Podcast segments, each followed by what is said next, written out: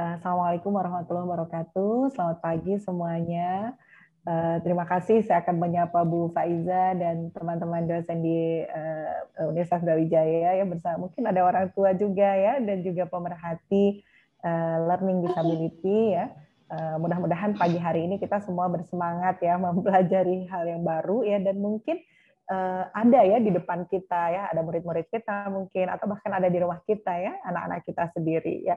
Baik, terima kasih. Uh, mohon izin saya bisa share screen. Uh, sepertinya saya belum dijadikan uh, co-host. Oh sudah, oke. Okay. Ya. Terima kasih. Ya. Ya, ya baik ya. Uh, jadi kenali dan atasi gitu ya. Nah ini seperti uh, ada apa namanya uh, ada jargon gitu ya tak kenal maka tak sayang ya. Kalau kita tidak kenal maka kita tidak bisa mengatasi gitu ya. Berarti bukan uh, jauh lebih lebih uh, dalam artinya dari hanya sekedar sayang ya. Jadi kenali maka harus bisa teratasi ya. Nah ini memang uh, menjadi hal yang uh, tadi saya sampaikan mungkin uh, ada di sekitar kita ya kita menemukan tapi kita tidak tahu ya karena kita tidak kenal itu tadi ya tidak kenal sehingga kita uh, kesulitan untuk mengatasi ya. Terima kasih ini uh, Fakultas Psikologi Universitas Brawijaya yang memiliki awareness juga ya uh, dan ini uh, luar biasa sekali dan kita apresiasi ya semoga ini juga memberi wawasan ya untuk guru, untuk orang tua dan juga untuk akademisi. Ya. Tadi saya sudah diperkenalkan, jadi saya akan lanjutkan saja ya.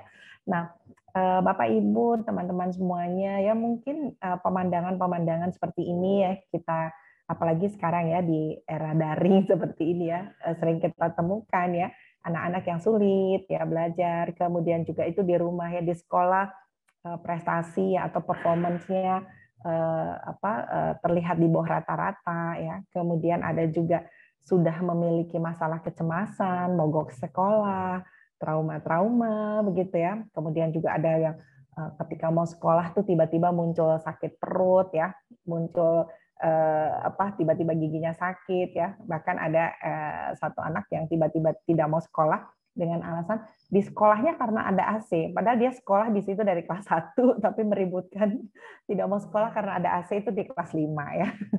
Jadi eh, apa? pemandangan-pemandangan ini umum kita temui ya, kita temukan baik di sekolah, eh, di rumah ya maupun di eh, apa eh, ketika ada datang di apa klien-klien di meja psikolog mungkin juga seperti itu ya suka cemas dan lain-lainnya ya. Nah, pemandangan-pemandangan seperti ini ayo kita Eh, lihat juga ya. Nah ini keluhannya ternyata paling sering ya, aduh anak saya nggak mau ngejain PR, anak saya nggak ngerti-ngerti, anak saya gampang lupa misalnya ya. Kemudian eh, banyak hal ya yang terkait eh, tadi ya performa belajar ya. Tapi apakah semua itu berada di dalam kategori yang sama gitu ya. Nah, makanya pentingnya untuk mengenali ya agar kita bisa mengatasi gitu ya.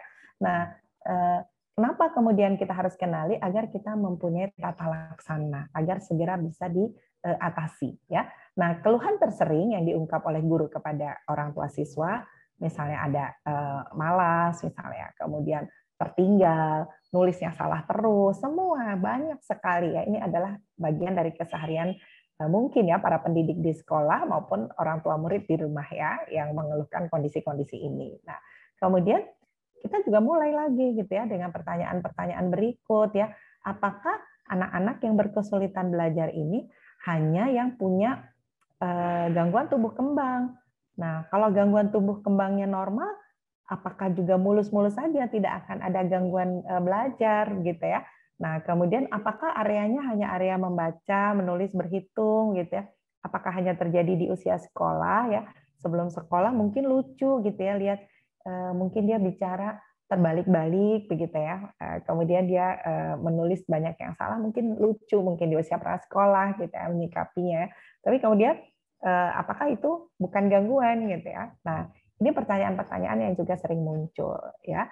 Nah, di sinilah kemudian kita perlu ya perlu mengenal dan perlu mengetahui caranya. Bagaimana tata laksananya kalau ini ada di kita ya eh, di baik di dalam rumah maupun di sekolah ya. Nah, kenapa kemudian kita harus memberi awareness ya, memberi kepedulian pada mengenali dan juga eh, mengatasi ya. Karena ternyata eh, kesulitan belajar itu ada dua kesulitan belajar ya. Ada kesulitan belajar yang spesifik, yang khusus ya, dan ada yang kesulitan belajar yang umum ya. Di terminologi ini kita mem, kita akan uh, membedakan ya, kita akan uh, membedakan uh, terminologi ini karena berbeda tata laksananya ya. Kesulitan belajar spesifik atau kesulitan belajar khusus itu terjadi pada individu dengan potensi kecerdasan sedikitnya rata-rata, bahkan banyak yang di atas rata-rata ya. Jadi kelihatan berlawanan ya, punya potensi yang uh, cukup bagus ya, tadi misalnya rata-rata atau bahkan sampai uh, gifted di atasnya, tapi kenapa performa belajarnya jauh sekali begitu ya. Uh, apa dari nilai mungkin kemudian juga dari uh, prestasi akademik ya belum lagi di area-area yang lain ya ketidakmampuan mengorganisir mudah lupa ya kemudian juga uh, apa namanya terlihat tidak tidak ini ya uh, tidak berurut melakukan uh, satu aktivitas jadi banyak sekali ya tidak sederhana tidak sederhana bahwa ini hanya nulis yang kebalik-balik gitu ya, yang dengan latihan kemudian akan selesai. Ternyata tidak tidak sesederhana itu ya. Karena ada area lain yang juga ikut terganggu yaitu area executive function ya yang kemudian membuat anak-anak ini juga kehilangan kepercayaan diri ya kemudian menarik diri dari lingkungan ya.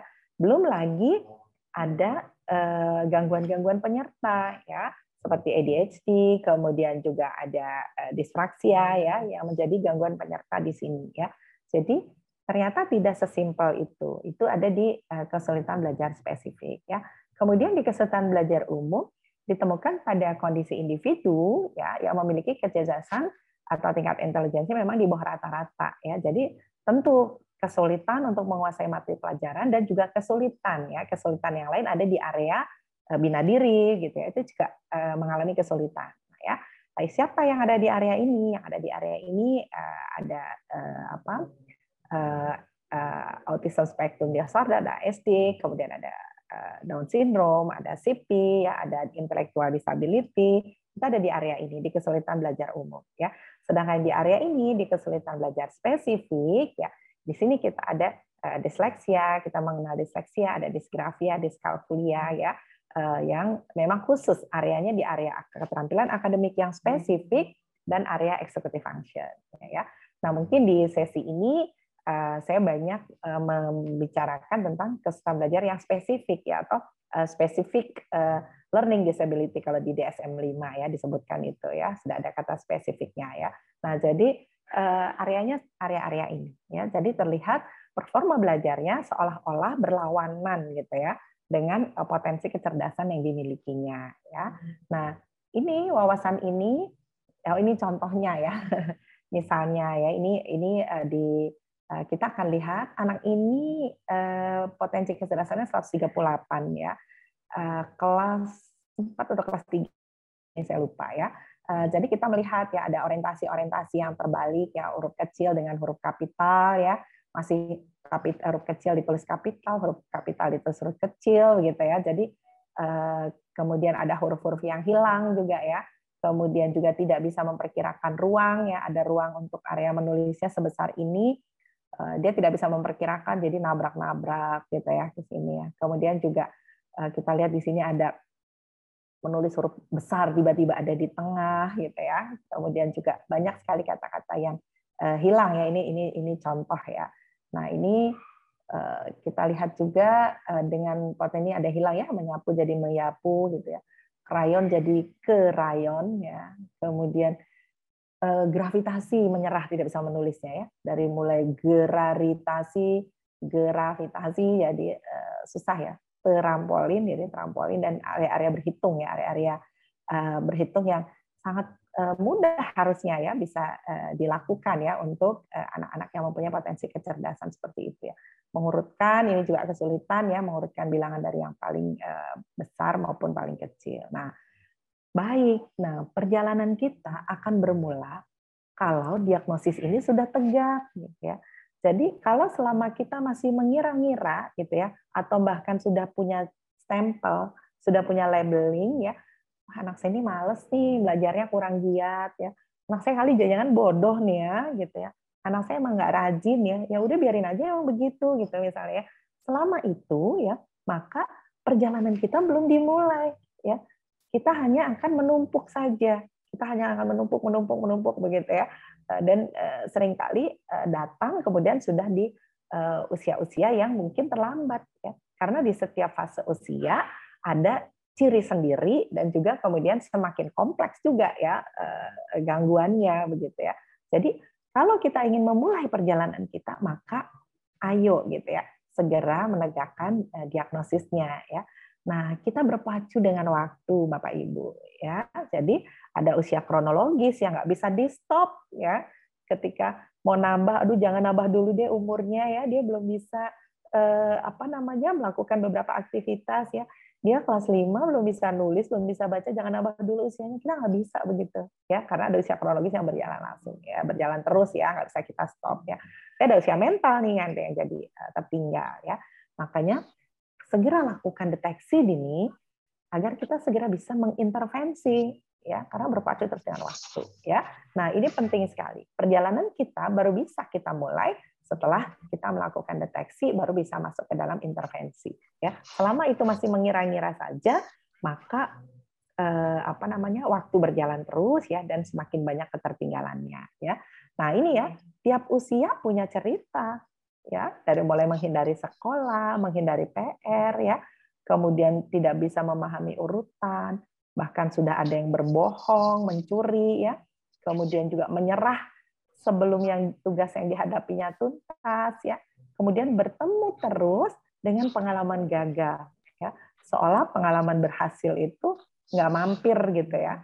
Bagaimana bisa begitu? Karena menghindari PR ya. Eh, apa tugas-tugas di eh, sekolah butuh waktu yang lebih banyak daripada temennya gitu ya.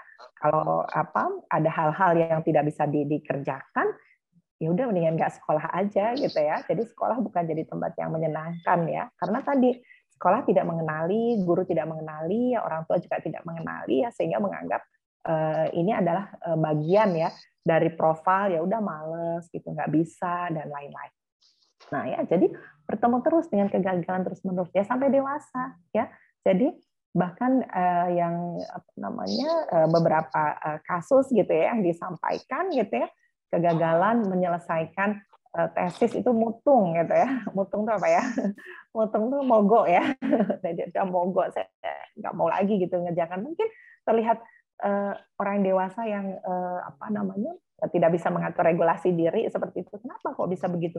Dan alasannya tuh kalau disampaikan seperti uh, hal yang lucu gitu ya, seperti kekanak-kanakan ya. Hanya karena tidak suka gitu dengan cara dosen memerintahkan atau memberi instruksi gitu udah nggak usah dikerjain deh itu setingkat itu. Dan ketika dibuka pintu komunikasi pun blocking gitu ya artinya uh, harusnya dia yang memperbaiki diri bukan saya gitu. Harusnya dosen yang memperbaiki bukan saya gitu ya. Hanya dari masalah-masalah yang uh, sebetulnya untuk uh, kategori orang dewasa sangat bisa diselesaikan gitu ya. jadi tiap usia akan punya cerita ya. Jadi semakin bertambah usia kalau kita tidak melakukan deteksi, tidak mengenali sejak awal ya, bukan tambah eh, bukan tambah berkurang masalahnya ya.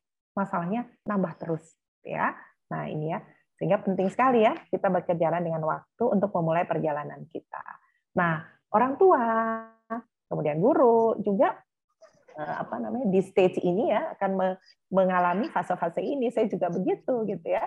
Jadi di dari mulai kamu eh, apa menolak misalnya ya nggak mungkin deh eh, kan diawali biasanya dengan eh, ketika di usia sekolah tuh biasanya datangnya ya. Padahal kemudian di penelitian-penelitian terbaru ini sudah bisa sangat bisa dideteksi di usia-usia prasekolah ya. Ada uh, cirinya gitu ya yang bisa diperhatikan oleh orang tua maupun guru begitu ya. Nah, ini banyak pada tanda-tanda sudah jelas misalnya ya ada gangguan komunikasi, ada gangguan biasanya gangguan bahasanya di bahasa ekspresif ya Eh, cara menyampaikan tuh misalnya seperti terlihat tidak sopan gitu ya untuk eh, apa eh, menyampaikan beberapa istilah gitu ya. Kemudian juga bagaimana menyapa gurunya kemudian juga banyak catatan checklist checklistnya ya. Tapi kemudian orang tua ah, nanti juga bisa gitu ya. Ah, nanti juga tahu sendiri bagaimana sopan santun itu. Nulisnya terbalik-balik misalnya dan kemudian juga apa namanya orientasinya juga begitu kan nanti juga bisa gitu ya dia aja males gitu ya nah terus di sini berapa lama kita mau di stage ini ya sampai ke stage penerimaan gitu ya. Kan banyak sekali yang harus uh, orang tua maupun guru lakukan. Gitu ya. Kalau kita berlama-lama di sini boleh, boleh saja, tapi kita tidak segera melakukan perjalanan ya dan semakin bertambah usia masalahnya akan semakin kompleks ya. Jadi tidak sesederhana uh, bahwa disleksia, uh, disgrafia dan diskalkulia itu tidak sesederhana bahwa ini hanya nulis terbalik-balik gitu ya. Bahkan ada yang uh, kenapa tidak ada hmm, kenapa anak-anak ini kalau yang apa menulisnya terbalik ya suruh aja menulis di depan cermin biar dia tahu kalau itu yang betul gitu ya. Andai semudah itu ya karena tadi masalahnya gangguannya tidak hanya di area akademik, tapi juga di area executive function ya, yang mengikuti daya ingat, mengorganisir sesuatu, bekerja secara sekuen, berurut ya, banyak hal ya yang kemudian menjadi masalah ya. Nah ini jadi kalau kita eh, orang tua ya atau kita guru ya bisa membantu orang tua ya untuk segera keluar gitu ya dari eh, area denial ya agar segera bisa melakukan eh, apa beberapa atau serangkaian eh, deteksi uh, assessment yang kemudian bisa dilakukan intervensi ya.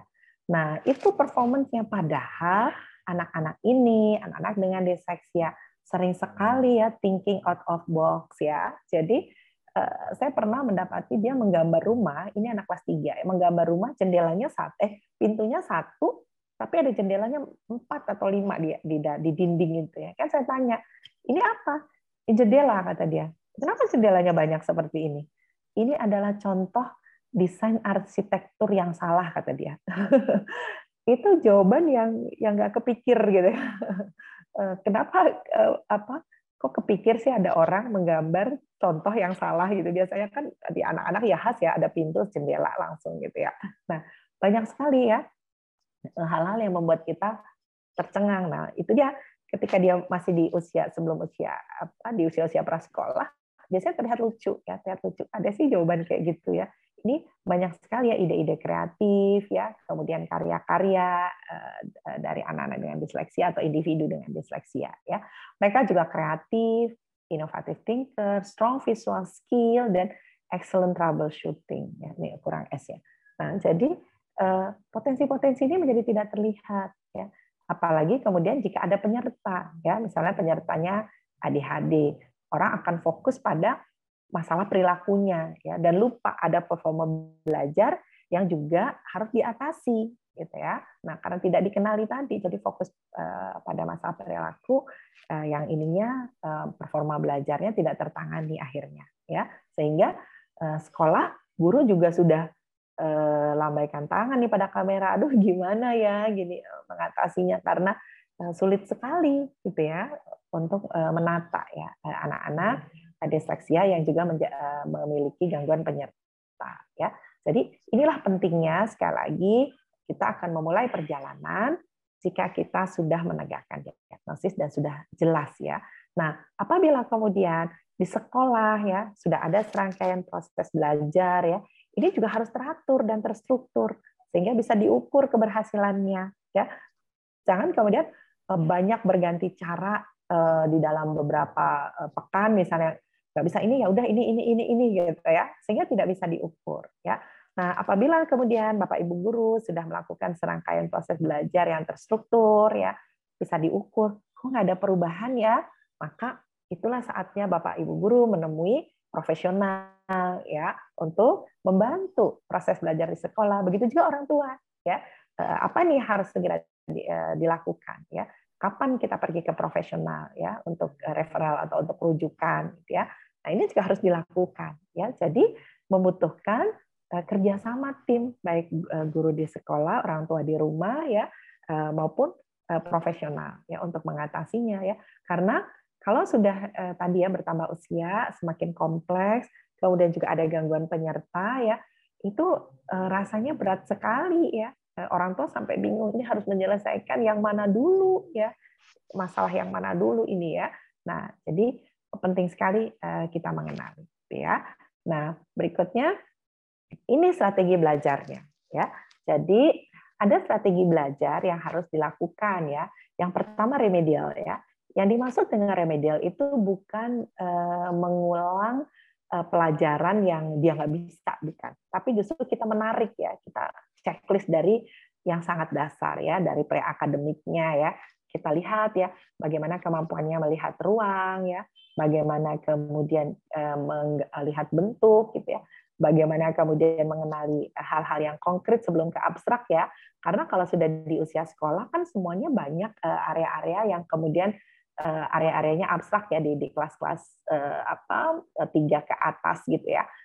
Bagaimana anak-anak mengelompokkan ya mengelompokkan dari benda-benda yang ada karena nanti kalau di usia sekolah semuanya kan dikelompokkan huruf dikelompokkan jadi vokal konsonan ya bilangan juga dikelompokkan ada bilangan cacah ya bilangan apa tuh pecahan desimal banyak sekali nah kalau tidak memahami arti pengelompokan pasti gagal ya Eh, ketika kemudian eh, belajar berhitung seperti itu ya. Belum lagi eh, bentuk ya. Huruf-huruf itu kan semuanya bentuk ya. Nah, membuat bentuk-bentuk juga asal gitu ya segitiga sesuatu gitu ya. Sininya bolong ya sininya nggak nyambung. Nah bagaimana kalau menulis huruf? Menulis huruf misalnya B ada garis kemudian perutnya nggak nyambung kan jadi nggak B ya. Nah tapi sering kali kita memaklumi gitu. Ya emang sih tulisannya jelek tapi kan kalau tidak terbaca ya misalnya tidak terbaca yang mengoreksi orang lain, kemudian maksudnya dia misalnya dia menulis buku, gitu, agak jauh. Sehingga orang lain mungkin membacanya angka satu dengan angka tiga. Aja disalahkan gitu ya. Tentu kecewa loh. Maksudku kan ini buku. Kenapa disalahkan gitu ya? Nah karena Eh, masalah-masalah seperti itu ya. Jadi remedial dimulai dari aktivitas-aktivitas sebelumnya ya, ada pre-akademik, pre-menulis, pre-membaca ya dari awal ya. Nah, ini juga biasanya tantangannya lumayan besar ini. Karena biasanya orang tua kok kayak pelajaran anak TK sih gitu. Anak saya kan udah kelas 2, masa masih belajar-belajar kayak gitu gitu ya. Nah, padahal eh, di eh, sini ya bukan in apa namanya untuk menurunkan grade ya justru untuk membantu ya Eh, mana nih yang belum eh, terkonfirmasi ya. Begitu juga bunyi ya bunyi juga eh, huruf-huruf itu kan punya bunyi ya. Makanya tadi misalnya trampolin ya. Kenapa ada huruf e ada di situ gitu ya? Karena tadi tidak mengenali bunyi ya. Belum lagi kalau hal-hal yang terkait dengan diftong ya, misalnya Riau itu bisa ditulis R I Y A W, Riau gitu ya. Karena tidak mengenali tadi kan banyak pengalaman gagalnya jadinya ya dari hal sepele misalnya dia sudah kita sudah tahu bahwa jawabannya Riau ketika lisan ya tapi nulisnya salah kan jadi salah ya akhirnya ada pengalaman gagal kembali gitu ya nah kemudian pendekatannya multisensori ya jadi tidak hanya satu arah. Kalau dia wah menulis itu adalah pekerjaan atau aktivitas yang paling horor ya. Tuh nggak ada mau sekolah yang nggak ada nulisnya gitu. Sekolah yang nggak ada bacanya ya. Nah jadi pendekatannya pun harus multisensori ya. Kemudian ada akomodasi-akomodasi khusus ya. Eh, yang kemudian ini semua disesuaikan dengan profilnya. Karena profil anak eh, setiap anak disleksia itu tidak sama ya. Jadi tadi ada yang dengan gangguan penyerta, kemudian ada yang eh, di area mana yang memang dia berat, di area ini yang bisa dioptimalkan. Profilnya tidak sama ya. Makanya strategi belajarnya juga harus menggunakan program pembelajaran individual ya di uh, untuk masing-masing anak ya karena uh, akan ada program yang berbeda-beda satu sama lainnya. Nah, yang tidak boleh dilupakan adalah optimalkan bakat dan minat ya. Ini yang membuat kepercayaan diri tumbuh ya.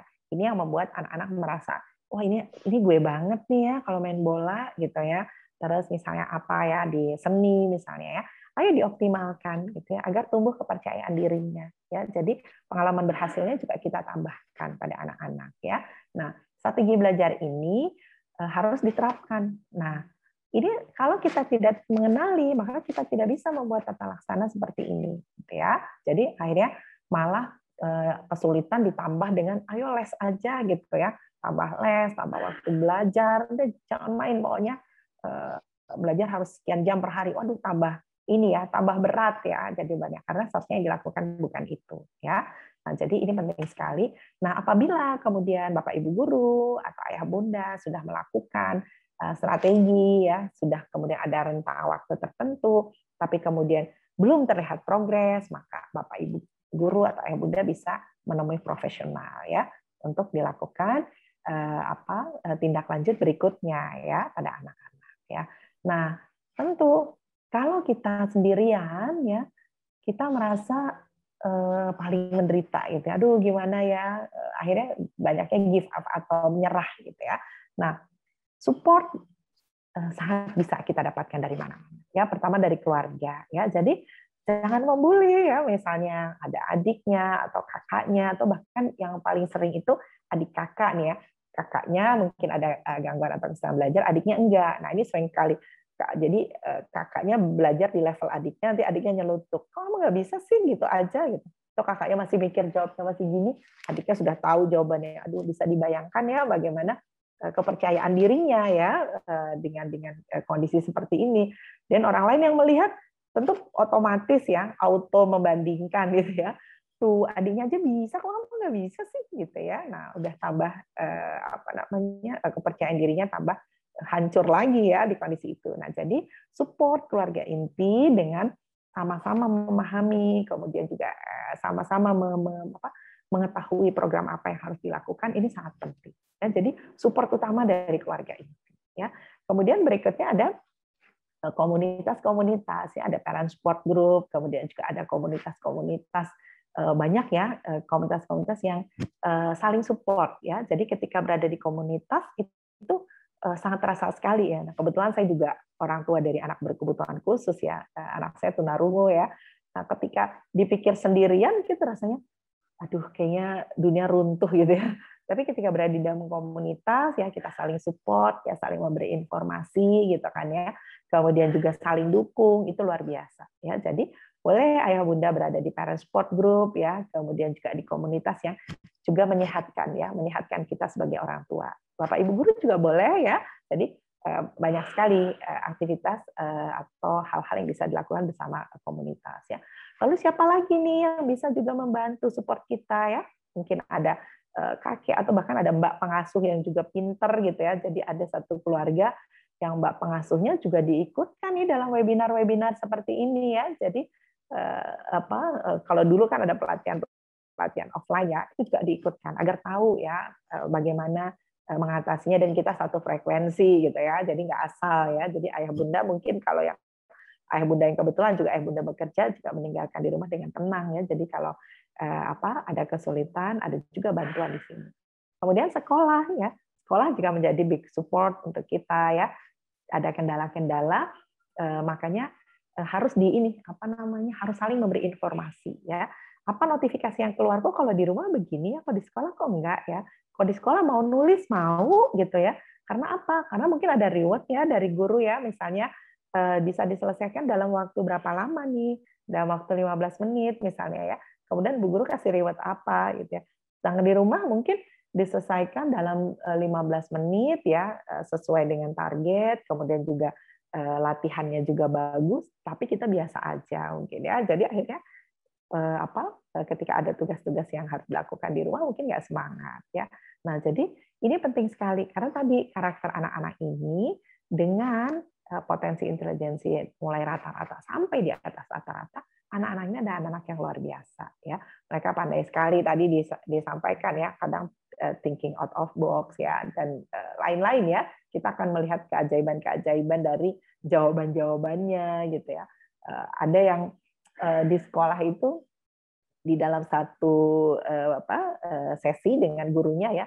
Gurunya mengajarkan matematika ya. Kemudian gurunya tanya nih ada yang mau bertanya dia angkat tangan. Saya mau tanya bu guru ya. Apa pertanyaannya? Kenapa ya kucing saya pagi ini nggak mau minum susu katanya. Tuh, gurunya kan loh tadi merhatiin ini enggak ini kan kita belajar matematika gurunya marah ya. Jangan main-main dong masa tanya susu? Wah dia langsung berdiri ya. Terus saya nggak main-main kan. Ibu guru tadi bilang siapa yang mau bertanya? Saya tanya kenapa kucing saya nggak mau minum susu? Nah terus gimana dong ya? Nah jadi hal-hal seperti ini juga harus diperhatikan ya dari cara guru menyampaikan. Jadi mungkin ibu guru bisa menyampaikan siapa yang mau bertanya terkait materi perkalian tadi yang ibu guru ajarkan? Nah itu lebih jadi lebih spesifik ya. Jadi kalau ibu guru hanya menawarkan siapa yang mau bertanya? Ya anak-anak ini berpikir out of box mungkin oh iya jangan-jangan ibu guru tahu ya kenapa kucing saya nggak minum susu ya pagi ini ya. Jadi banyak ya hal-hal yang uh, sepele ya, di sepele, uh, tapi kemudian dipikir atau diterima ditangkap hal yang berbeda oleh anak-anak ya. Nah, ini ya. Kemudian ini nah oke. Okay. Nah, jadi di uh, big support ini ya uh, apa dari mulai orang tua sekolah dan guru itu juga bagian dari perjalanan kita ya dari perjalanan orang tua perjalanan sekolah untuk menemukan kenali nah ini yang uh, harus jadi uh, syarat pertama ya agar perjalanan kita bisa dimulai ya. Jadi ayo uh, stop mengira-ngira ya uh, stop memberi labeling gitu ya. Ayo segera kenali ya lakukan deteksi agar kemudian bisa segera diintervensi ya Ya, mudah-mudahan uh, bermanfaat ya walaupun waktunya uh, singkat ya, tapi setidaknya uh, nanti akan dilengkapi uh, juga oleh uh, pemateri kedua ya apa itu dan bagaimana mungkin lebih detail ya. Uh, saya memberi uh, apa namanya uh, gambaran ya kepada orang tua dan guru ya bahwa uh, hal seperti ini dapat ditangani ya. Semakin dini maka masalahnya tidak menjadi semakin kompleks gitu ya karena tiap usia akan ada ceritanya masing-masing ya. Terima kasih saya uh, kembalikan lagi kepada uh, moderator. Terima kasih. Ya, kembali lagi pada Bu Ratri. Assalamualaikum warahmatullahi wabarakatuh.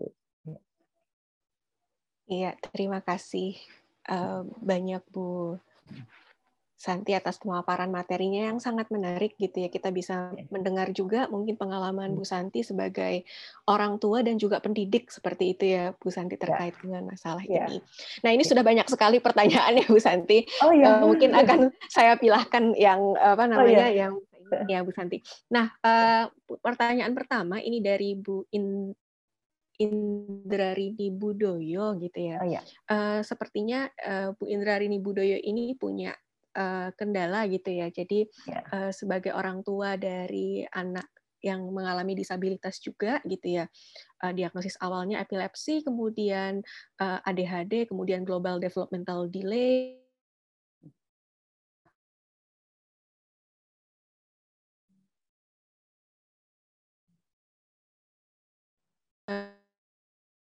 dari ibu ini diagnosis uh, disleksia seperti itu. Nah, pertanyaannya adalah apakah disleksia ini butuh observasi yang panjang untuk ditegakkan diagnosisnya?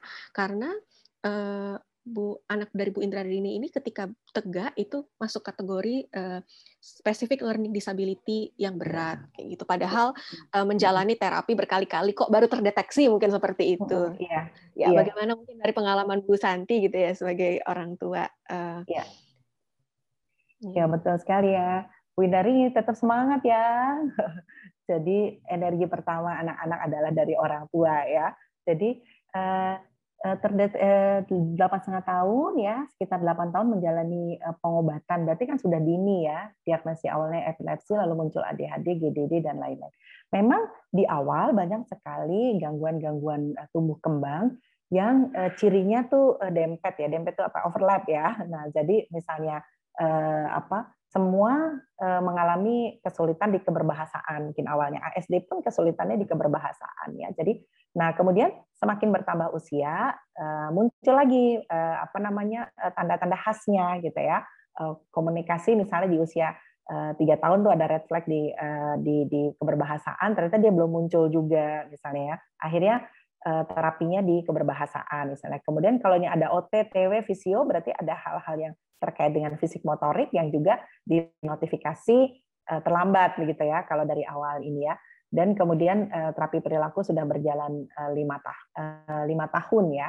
Nah jadi di awal-awal memang ketika di usia-usia prasekolah memang ada ciri-ciri khususnya apa oh ini tanda menuju disleksia ya bukan menuju ya atau notifikasi ya yang bisa bisa kita masukkan dalam screening ini disleksia gitu ya.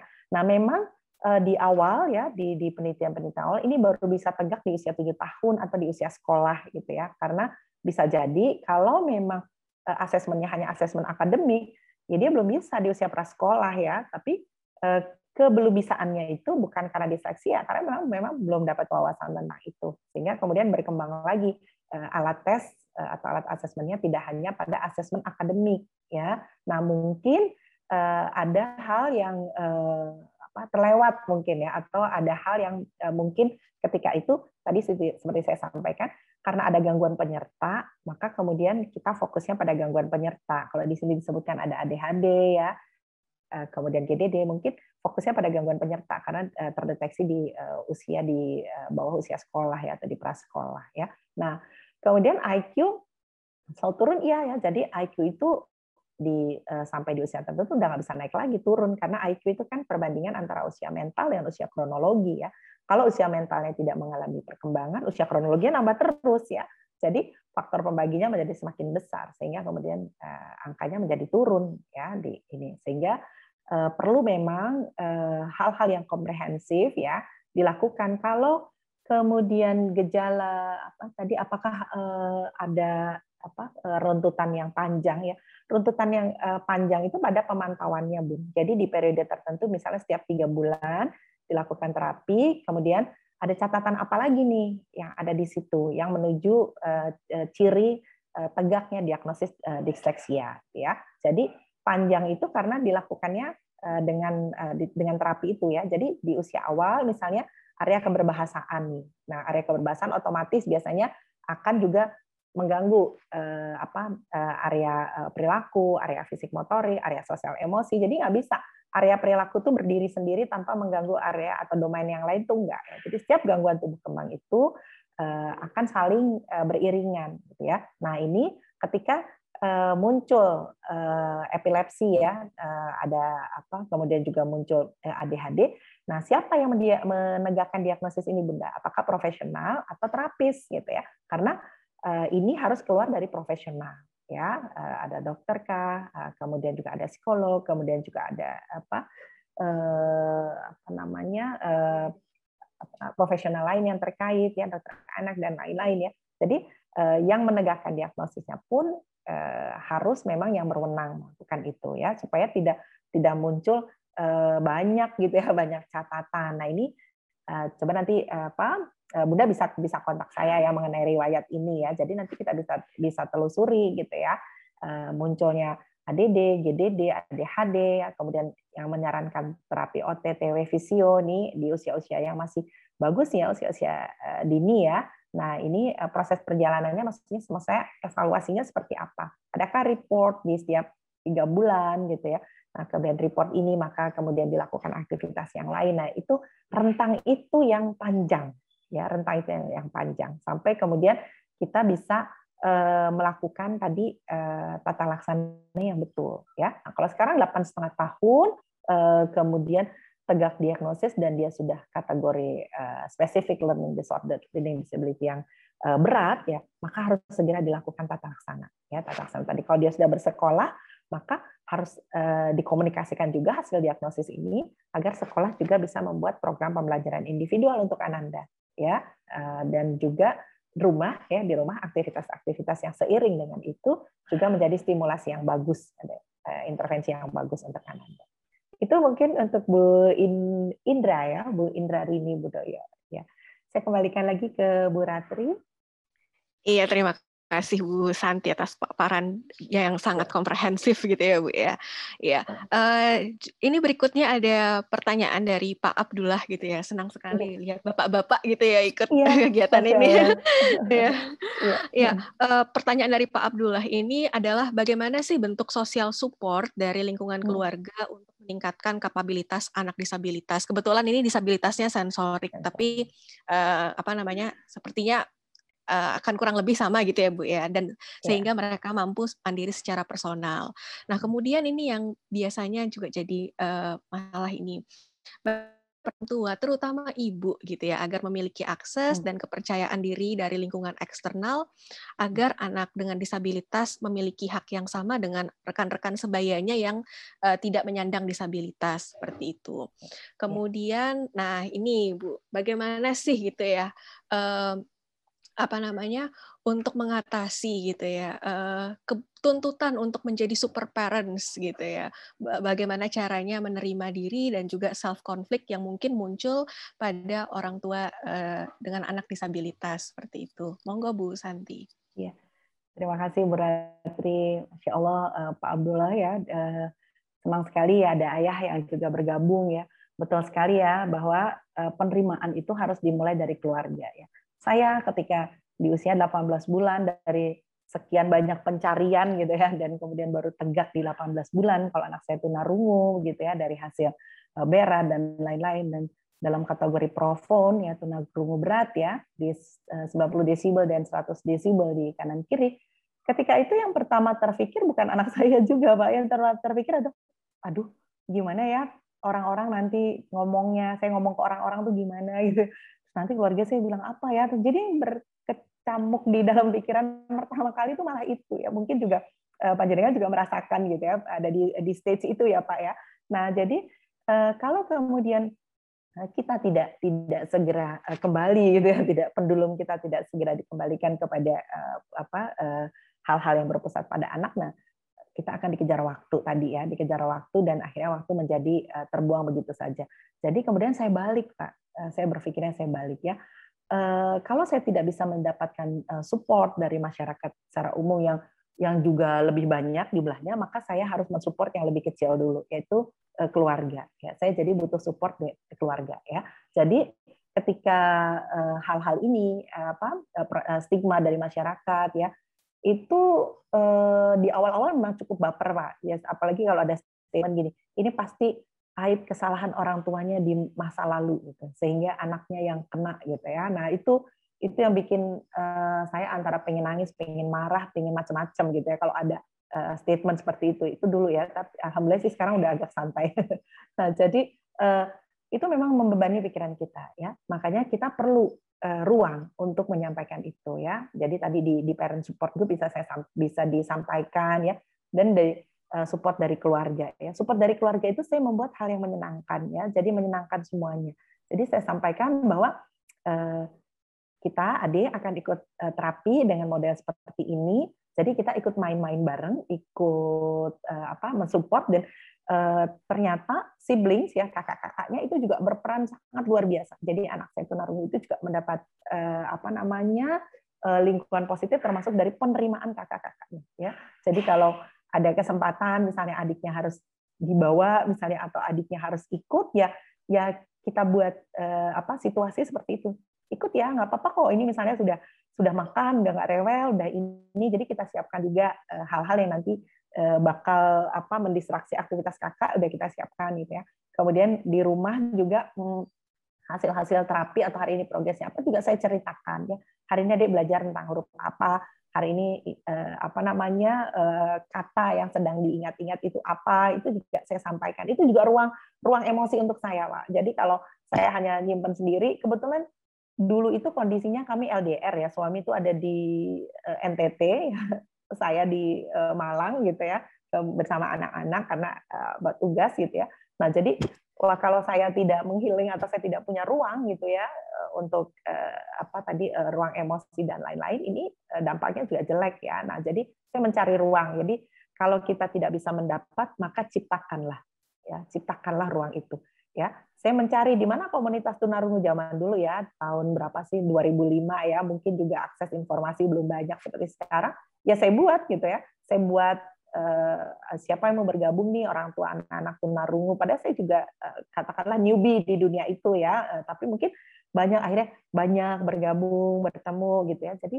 kalau kita tidak bisa mendapatkan maka kita buatkan gitu ya. Nah ini juga kaitannya tadi seperti di social support kemudian juga bagaimana apa kesehatan mental ya untuk keluarga terutama itu juga hal yang bisa kita lakukan Nah, peran orang tua, terutama ibu, agar memiliki akses dan kepercayaan diri, eh, agar eh, anak-anak ini memiliki hak-hak yang sama, ya. Jadi lakukan aktivitas seperti biasa, ya. Jadi eh, di awal, ketika anak saya pakai alat bantu dengar itu, misalnya banyak orang, saya pernah ya, kita tuh ada di rest area, saya sholat, kemudian dia di, di luar masjid itu duduk, saya keluar masjid itu banyak orang ngelilingin zaman itu ya mungkin belum begitu banyak orang pakai alat bantu dengar. Itu tuh saya mau marah gitu ya rasanya. Ya jadi loh untuk apa diliatin gitu ya? Kalau ada apa-apa bisa bertahan itu masih marah saya dulu ketika itu ya. Nah ternyata kalau kita juga membuat jarak dengan lingkungan selamanya orang akan begitu akan menganggap bahwa oh alat bantu dengar itu hal yang aneh gitu.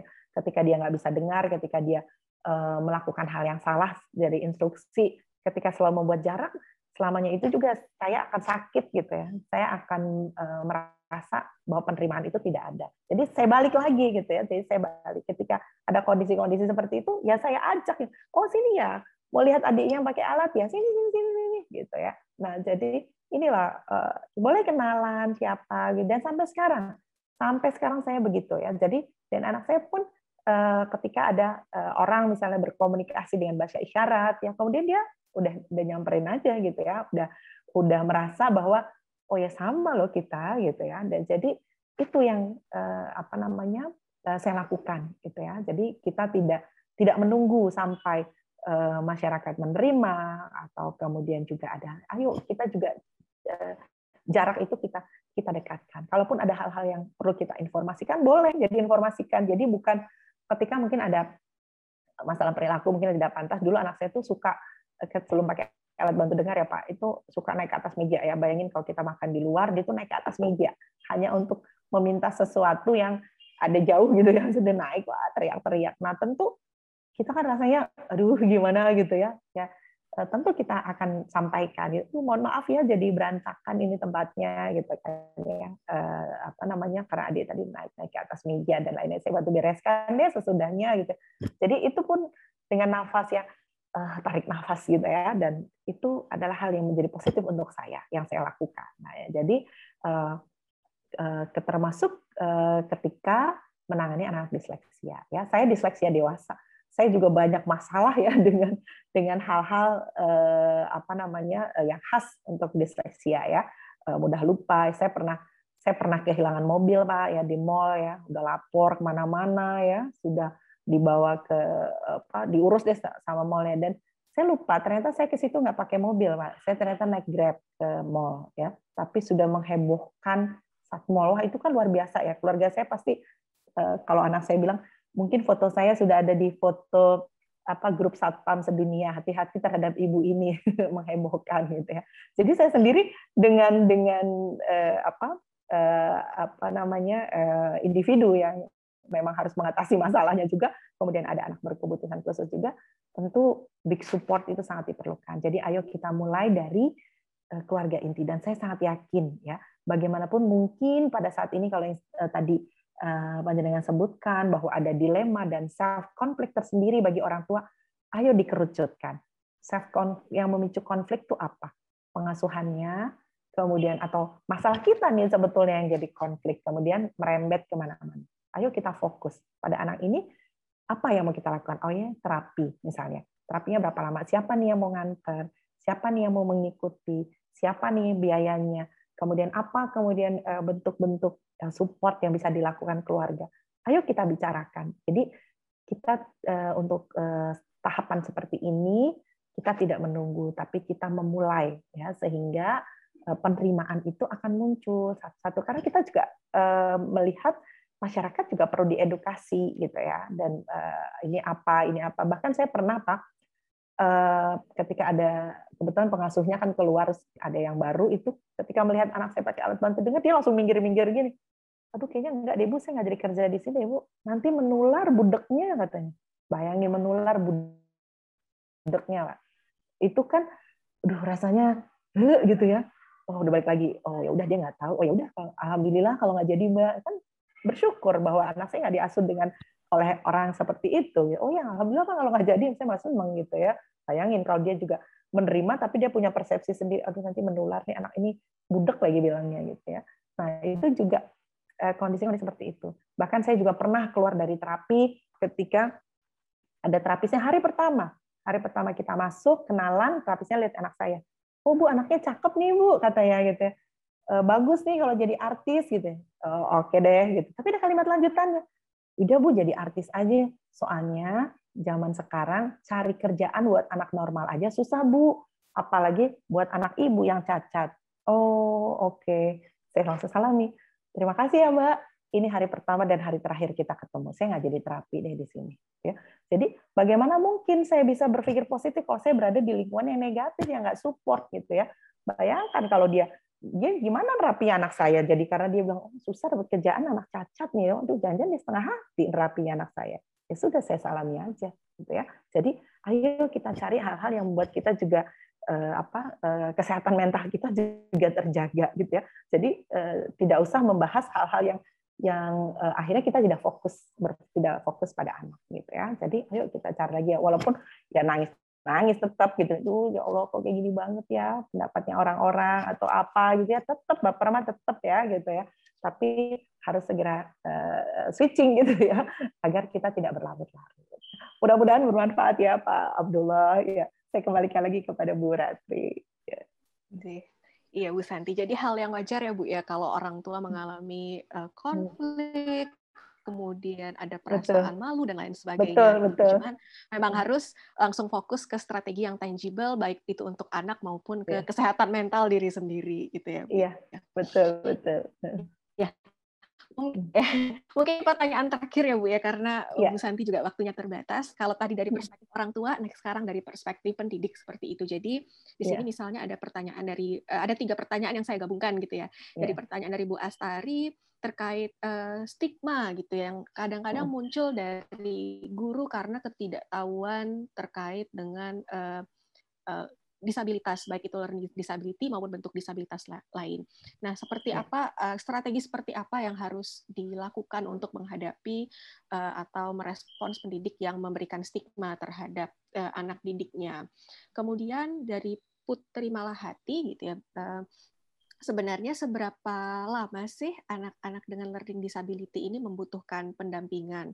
Karena setiap uh, tahap pendidikan tentu anak akan berhadapan dengan lingkungan baru dan juga teman-teman baru yang mungkin membutuhkan adaptasi. Nah, kemudian yang terakhir ini dari Bu Kartika, sebenarnya ada nggak sih screening khusus gitu atau pedoman untuk guru dalam mendampingi uh, perkembangan anak uh, eh, ADHD kalau yang ditanyakan atau, tapi lebih spesifik uh, untuk disabilitas yang lain gitu ya misalnya learning disability sendiri seperti itu ya mau ya. Bu Santi. Ya. Uh, terima kasih. Ya jadi tadi uh, yang ini ya uh, guru tadi ya stigma guru ya. Iya. Ya ya. Uh, salam kenal Bu Astari ya.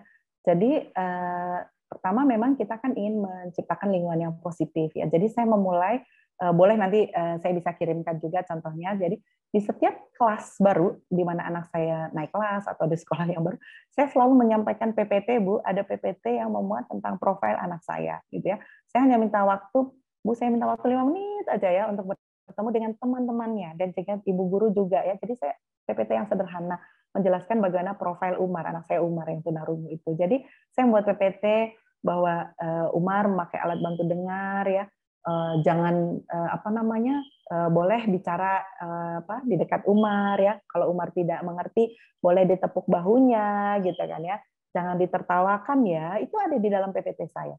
Jadi kalau dia tidak mendengar tolong diulang lagi pelan-pelan suaranya harus keras misalnya ya bicaranya yang dekat. Itu saya sampaikan di PPT saya di awal. Jadi setiap naik kelas, setiap bertemu guru baru, saya selalu meminta waktu itu. Jadi teman-temannya pun sudah Eh, kita mencoba membangun awareness dari teman-temannya begitu ya. Nah itu nggak apa-apa, alhamdulillah eh, saya selalu diberikan waktu itu ya. Kalau untuk teman-temannya dulu di awal itu dia kan masuk TK, terus temannya tuh pada ngelilingin dia gitu. Ih kamu robot ya, karena di telinganya kan ada ABD gitu. Nah jadi sangat bisa kita juga memberi wawasan kepada teman-teman dan guru. Mungkin guru penjelasannya agak lebih lengkap lagi ya kalau memang nanti ada hasil asesmen, kemudian juga ada hasil terapi itu juga bisa kita sampaikan gitu ya. Tapi perlu juga teman-teman kita bangun juga agar tidak eh, apa menjadi bahan bully gitu ya, tidak bahan bully. Dan alhamdulillah ya hmm, awareness itu terbangun. Jadi kalau misalnya mau wudhu kan ini harus dilepas ya nanti temennya sini aku pegangin, sini aku pegangin alatmu gitu ya. Karena kan saya sudah menyampaikan bahwa ini nggak boleh kena air ya. Jadi kalau hujan ingatkan untuk dilepas ya. Misalnya saya minta kepedulian teman-temannya juga gitu ya. Dan Umar akan senang gitu ya. Eh, kalau bisa eh, bermain bersama dengan teman-teman itu hanya tiga atau empat slide nanti bisa saya kirimkan kalau eh, Bunda berkenan gitu ya. Nah itu kita mulai, ayo kita mulai gitu ya. Jadi kalau ada guru yang kemudian ada apa namanya eh, jangan-jangan karena tidak tahu gitu ya karena ketidaktahuannya gitu ya. Teman-teman juga karena ketidaktahuannya gitu ya. Jadi kitalah yang eh, memulai untuk memberitahu gitu ya. Begitu ya Bu eh, Astari ya Kemudian untuk Mbak Putri, lama nih nggak ketemu ya. Nih, sampai kapan anak-anak dengan gangguan uh, learning disability membutuhkan pendampingan ya? Tadi program pembelajarannya itu harus terstruktur dan ada tenggat waktu ya. Nah, di setiap itulah kita evaluasi ya karena uh, progres mana nih yang sudah bisa ya sudah bisa kemudian meningkat meningkat tanpa pendampingan. Progres mana yang harus diulang ya, progres mana yang ditingkatkan atau akomodasinya jangan-jangan nggak cocok ya kok yang kita berikan. Jadi banyak hal yang harus dievaluasi. Tidak sekedar udah ya pokoknya kamu kelas 1 pakai pendamping, kelas 2 nggak usah. Nggak bisa. ya. Jadi kita tidak bisa PHP ya kepada orang tua ya, Bapak Ibu guru ya, jangan PHP gitu ya. Jadi udah kalau sekolah di sini pasti bisa gitu. Jangan PHP, kita harus uh, punya uh, apa, gambaran dan punya juga uh, serangkaian report yang bisa disampaikan. Nah, jadi kalau ditanya uh, sampai kapan, profilnya beda-beda untuk tiap anak gitu ya. Ketika kalau anak saya untuk tunarungu sampai kelas 2 dia pakai GPK, kelas 3 dan sekarang alhamdulillah sudah lulus SMP baru aja kemarin itu sudah tidak pakai GPK ya. Jadi ada ada juga misalnya disability yang lain yang sampai SMP masih butuh GPK gitu ya. Jadi tidak sama. Kalau tanya sampai kapan, waktunya tidak akan sama termasuk untuk anak-anak disleksia juga gitu ya. Jadi penting guru untuk membuat program yang terukur ya bisa diukur ada tentang waktu dan lain-lainnya. Seperti itu ya. Kemudian tadi yang terakhir apa ya? Ya apakah uh, ada panduan untuk guru oh, iya. uh, untuk screening kayak gitu? Ya uh, bapak ibu guru bah uh, ini sih uh, ini bocoran tipis. Uh, nanti di kurikulum baru kurikulum operasional sekolah itu bahkan ya semua sekolah nggak akan ada lagi sekolah inklusi karena semua sekolah harus inklusi ya Nah, asesmen itu menjadi bagian ya dari sebuah proses uh, pembelajaran ya. Jadi sebelum memasuki uh, apa proses maka asesmen yang harus dilakukan. Ada asesmen diagnostik yang harus dilakukan ya. Ada akademik, non akademik dan kekhususan. Nah, jadi eh, guru-guru sebetulnya sudah ada panduan berupa checklist itu bun ya sudah ada ya sudah ada panduannya ya. Nah, tapi sering kali tidak dilakukan karena hanya melihat saja gitu ya melihat ini nggak bisa diem nih pasti autis pasti ADHD pasti hiperaktif ya dua itu yang jadi tertuduh biasanya ya nggak bisa diemnya itu ya. Pada eh, banyak hal pada sebenarnya ada checklist checklist misalnya ada scoring eh, dia dicurigai ke arah ini misalnya eh, skornya misalnya 6 dari 8 atau 4 dari 5 nah setelah itu lakukan referral apa rujukan ya ke profesional terkait ya untuk melihat di tanda-tandanya mendekati ini gitu ya. Terus eh, apa nih harus dilakukan eh, di sekolah, kemudian bagaimana tindak lanjutnya ya. Kalau checklistnya ada bud, panduannya sudah ada ya, yang untuk membuat dugaan ya ini ke arah mana gangguannya atau ke arah mana learning disability-nya, kesulitan belajarnya itu sudah ada panduannya ya yang bisa dilakukan oleh guru. Tapi guru tidak bisa menegakkan diagnosis. Diagnosis harus kemudian ditegakkan oleh profesional ya. Jadi guru melakukan langkah pertama untuk membantu nanti membuat eh, program pembelajaran ya. Jadi programnya sangat berbasis kebutuhan anak ya. Nah, untuk memilihkan program tadi kita lihat nih jenis disability-nya apa ya. Kalau dia eh, apa eh, kesulitan belajar spesifik ya, dia tidak memerlukan modifikasi kurikulum, dia bisa mengikuti kurikulum tapi kemudian ada akomodasi khusus yang dilakukan. Tapi kalau kesulitan belajar umum ya tentu harus dilakukan modifikasi kurikulum ya. Kita melihat eh, mata pelajaran atau aktivitas mana yang fungsional untuk dia. Mungkin matematika yang susah pangkat akar tidak fungsional, ya tidak usah diberikan ya. Ada yang lebih fungsional ya misalnya mata uang, arah, kiri kanan, mungkin itu lebih fungsional. Maka itu yang kita berikan gitu ya. Jadi sama-sama belajar hujan ya. Tapi untuk yang tidak ada uh, gangguan uh, intelijensi misalnya perlu tahu nih awan hitamnya apa ya jenisnya ya nimbus atau apa tuh ya uh, cumulonimbus misalnya itu perlu. Tapi untuk anak-anak uh, disabilitas dia tidak perlu menghafal awan-awan itu. Tapi harus tahu ciri-ciri akan hujan seperti apa misalnya langitnya gelap atau udara lebih dingin gitu. Agar segera tahu apa yang harus dilakukan ya. Bawa payung kah berteduh kah atau pakai jas hujan? Nah itulah di situ modifikasinya gitu ya. Itu ya mungkin uh, untuk yang terakhir tadi. Saya kembalikan lagi ke Bu Ratri